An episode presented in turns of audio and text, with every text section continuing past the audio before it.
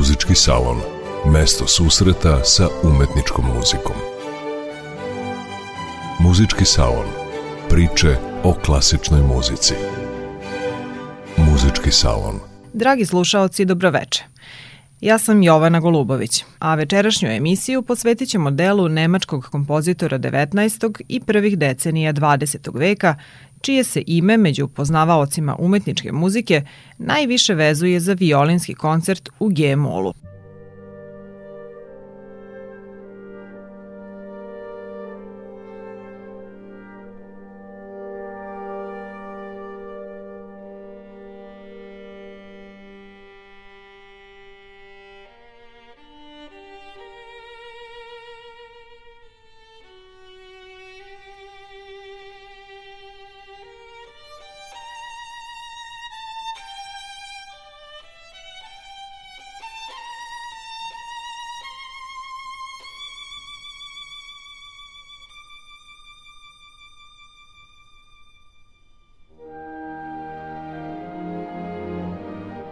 Čuli smo početak violinskog koncerta u G-molu Maxa Bruha u izvođenju Hilary Hahn i Simfonijskog orkestra Frankfurtskog radija pod upravom maestra Andresa Orozko Estrade. Nastavit ćemo da slušamo prvi stav kompozicije po kojoj je između ostalog Max Karl August Bruch zapamćen u istoriji muzike.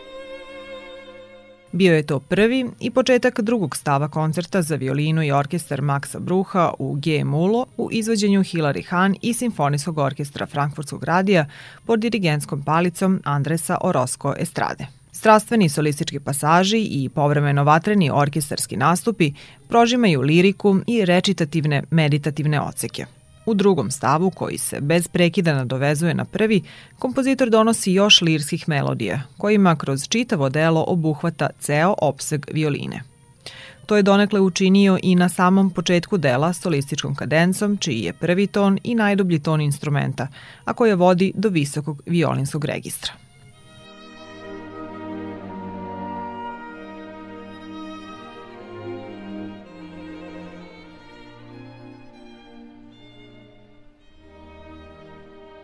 Koncert u G-molu opus 26 prvi je od tri violinska koncerta Maxa Bruha. Nastao je 1866. godine, a premijerno je izveden dve godine kasnije u Bremenu.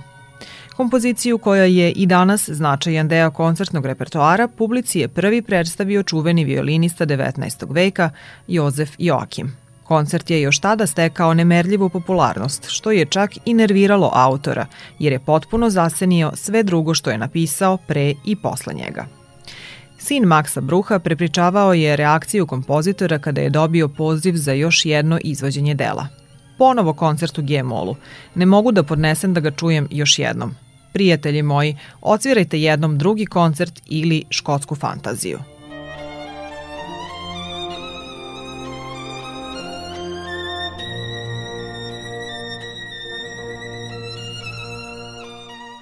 Mada se i u tim pomenutim kompozicijama prožimaju lirski i virtuozni partovi, kako za solistu, tako i za orkestar, redko kad su dobile pažnju publike kako je zavređivao koncert u G-molu.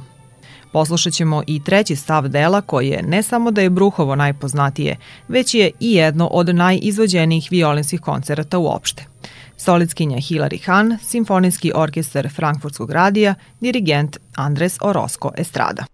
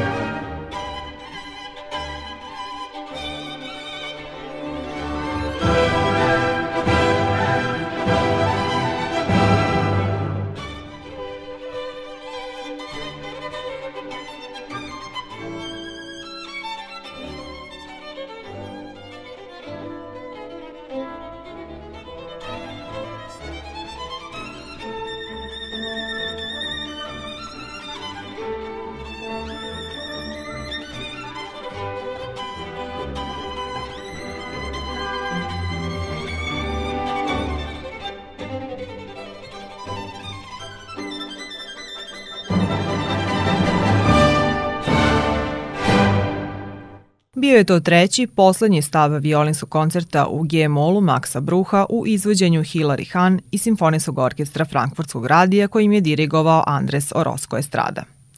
Poletno finale zasnovano je na živopisnoj temi koja upućuje na narodnu igru. Inače je Bruh proučavao i koristio narodne pesme u svojim kompozicijama. Osim nemačkih, bavio se i jevrejskim melodijama. Zapažena je njegova obrada melodije Kol Nidrej u varijacijama za violončelo i orkestar. U jednom pismu Bruh je napisao Kol Nidrej i neke druge pesme sam upoznao u Berlinu kod prijateljske porodice Lichtenstein. Iako protestant, duboko sam osetio kao umetnik izvanrednu lepotu ovih pesama i zbog toga ih rado proširio u svojim obradama.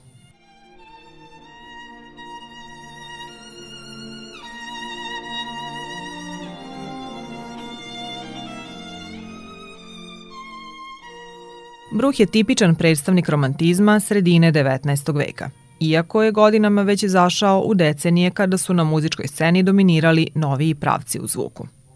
U svim svojim delima bio je odan gracioznim melodijama i ritmovima koji su karakteristični za raniji period. Bio je veoma produktivan kompozitor, ali se samo nekoliko dela zadržalo na koncertnim programima do danas – Među njima su već pomenuta tri violinska koncerta, škotska fantazija za violinu i orkestar, kao i variacija za violončelo i orkestar Col Nidrej. Savremenici su veoma cenili njegova horska i velika vokalno-instrumentalna dela, među kojima se ističu pesma o zvonu, napisana prema Schillerovoj pesmi, zatim prizori iz legende o Fridhofu, Lepa Ellen, Odisej, Gustav Adolf, Uskršnja kantata i Vatreni krst bila su veoma popularna među nemačkim horskim društvima krajem 19. veka.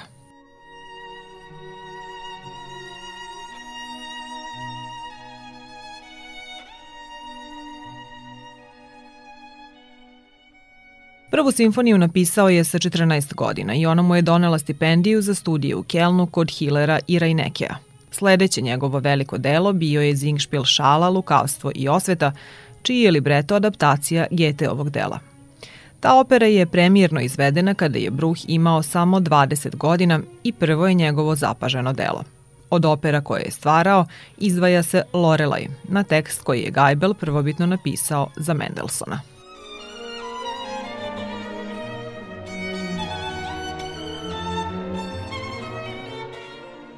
Bruh je rođen 1938. godine u Kelnu, gde je otac bio činovnik, a prvo muzičko obrazovanje dobio je od majke – Po završetku studija kada je imao 23 godine počelo je njegovo dirigentsko angažovanje u horskim i orkestarskim društvima u Koblencu, Zondershausenu i Berlinu. Godine 1880. odlazi u Liverpool gde se takođe bavi dirigovanjem, a tri godine kasnije vraća se u Nemačku u Breslav, današnji Vroclav u Poljskoj. Imenovan je za počasnog doktora muzike tri puta. Prvo u Cambridgeu 1893. potom u Breslavu 96. i konačno u Berlinu 1918. godine. U Berlinu je i predavao na Akademiji umetnosti od 1890. do 1911. Preminuo je 1920. godine u tom gradu. Poslednje decenije života umetnik se povukao iz javnosti i živeo u usamljenosti.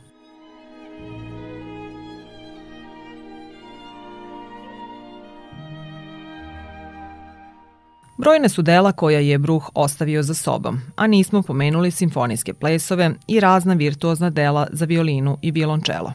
Za kraj emisije slušat ćemo ono koje se čuva na koncertnim repertoarima. Variacije za violončelo i orkestar Kol Nidrej u izvođenju Miše Majskog i Simfonijskog orkestra Frankfurtskog radija pod upravom Pava Jarvija. Emisiju su realizovale za ton pultom i Boja Šanca, a za mikrofonom Jovana Golubović. Pozdravljamo vas do sledećeg muzičkog salona.